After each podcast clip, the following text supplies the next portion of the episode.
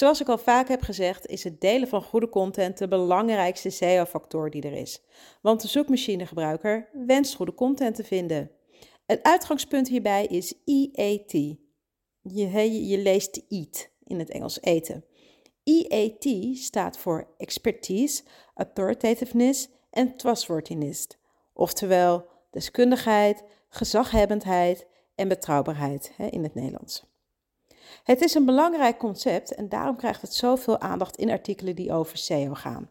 Websites met een hoge IET-score ranken namelijk hoger in de zoekresultaten van Google. Google vindt dit belangrijk en daarom moet jij dat dus ook vinden. IET is geen update in het algoritme van Google, maar het is een concept dat het algoritme beïnvloedt.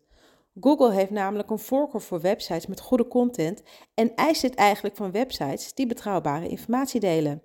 Denk hierbij aan websites die medische informatie geven of informatie delen over financiën of algemene nieuwsberichten.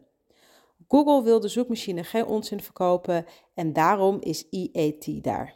Websites met betrouwbare informatie hebben een hoge IET-score nodig om zichtbaar te zijn.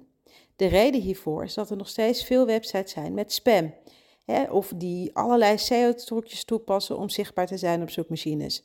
dit zijn vaak affiliate websites met ontzettend veel advertenties of clickbait-achtige omschrijvingen en headlines. Het doel van dit soort websites is om zoveel mogelijk websitebezoekers aan te trekken, zodat deze interactie kunnen hebben met de vele advertenties op zo'n webpagina. Maar dankzij het IET-principe zijn dit soort websites minder zichtbaar in de zoekresultaten. Maar ook websites die onzininformatie delen. Het is niet heel makkelijk om een hoge IET-score te krijgen. En het is ook niet voor alle websites even belangrijk. Want wanneer jij op je website alleen maar plaatjes van lieve hondjes deelt, dan is het gewoon minder belangrijk dan wanneer je tips deelt over hoe je moet omgaan met geld. Desondanks is het hebben van een hoge IET-score een mooie manier om te concurreren met websites die net zo zijn als die van jou. Het sleutelwoord hierbij is vertrouwen winnen. Je moet met je website laten zien dat je betrouwbaar bent en dat doe je als volgt. 1. Laat zien dat je een expert bent. Waarom moeten mensen jou vertrouwen en jouw advies opvolgen?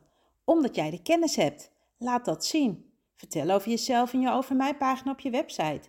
Deel jouw achtergrond. Ben je nu jurist? Vertel waar je recht hebt gestudeerd en waar je hebt gewerkt. En laat zien dat jij een autoriteit bent. 2. Link naar andere websites die een autoriteit zijn. Extern link is altijd goed voor SEO, of je een autoriteit bent of niet. Het kan zijn dat je jouw expertstatus nog moet opbouwen en het vertrouwen van je publiek moet winnen.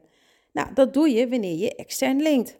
Want met de externe link laat je zien dat er andere content op het web is dat ondersteunt wat jij zegt.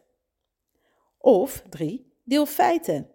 Laat tegelijkertijd ook feiten naar voren komen in tekst. wederom, als je juridische informatie deelt, is dit belangrijk. En dan kun je weer extern linken naar bronnen die deze feiten ondersteunen. 4. Zorg ervoor dat je content actueel is. Met name als je bijvoorbeeld medisch advies geeft. In de coronatijd wil je actuele informatie hebben. En nog steeds zijn er redenen te verzinnen vanwege wetgevingen en dergelijke waarom de, de informatie op je website actueel moet zijn. Kloppen jouw artikelen nog?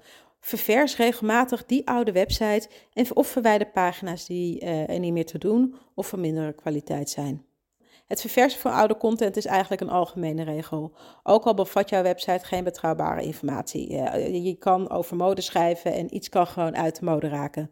Vervang of verwijder pagina's die slecht bezoekt worden, want deze spelen gewoon minder in op de behoeften van jouw publiek. 5. Ontvang reviews. Verzamel reviews van websitebezoekers of klanten, want dit verstevigt jouw reputatie en je laat ermee zien aan zoekmachines en aan jouw publiek dat je kwaliteit levert. Dit maakt jou betrouwbaar en op termijn zelfs een autoriteit. 6. Ontvang backlinks. Backlinks zijn eigenlijk net als reviews. Hè? Ze hebben dezelfde betrouwbaarheid. Want dit zijn links van andere websites naar jouw website. Zo'n backlink is eigenlijk een aanbeveling. Want de website die jou die backlink geeft, zegt daarmee tegen zijn websitebezoeker: Op deze website staat interessante informatie dat je ook kunt lezen. En daardoor wordt jouw website als meer betrouwbaarder gezien. Niet alleen door de websitebezoekers, maar ook door Google. 7. dit is eentje die moeilijk is. Maar heb een Wikipedia-pagina. Want wanneer je een Wikipedia-pagina hebt, dan ben je pas echt betrouwbaar. Maar ja, het is er moeilijk om een om een te krijgen, tenzij je iedere week een spelletjesprogramma op televisie presenteert. Ook al ben je een autoriteit. Gelukkig is dit niet zo belangrijk wanneer jouw website over zwarte jurkjes gaat, maar het is wel iets meer belangrijk wanneer je financieel advies deelt met je publiek. Tot slot wil ik zeggen dat je met Google EAT moet doen wat Google eigenlijk van iedereen vraagt, namelijk de beste online ervaring bieden, alleen op een manier dat als meer betrouwbaar wordt gezien. EAT is belangrijker wanneer je gevoelige informatie deelt. Als je dat niet doet, is het toch verstandig om de principes te volgen die onder EAT vallen. Niet alleen omdat je daardoor zichtbaarder bent voor zoekmachines, maar ook omdat je door je publiek wordt gezien als de expert die je bent en daar gaat het uiteindelijk om. Denk altijd aan, de, aan je bezoeker en je zult stijgen in de zoekresultaten. Succes!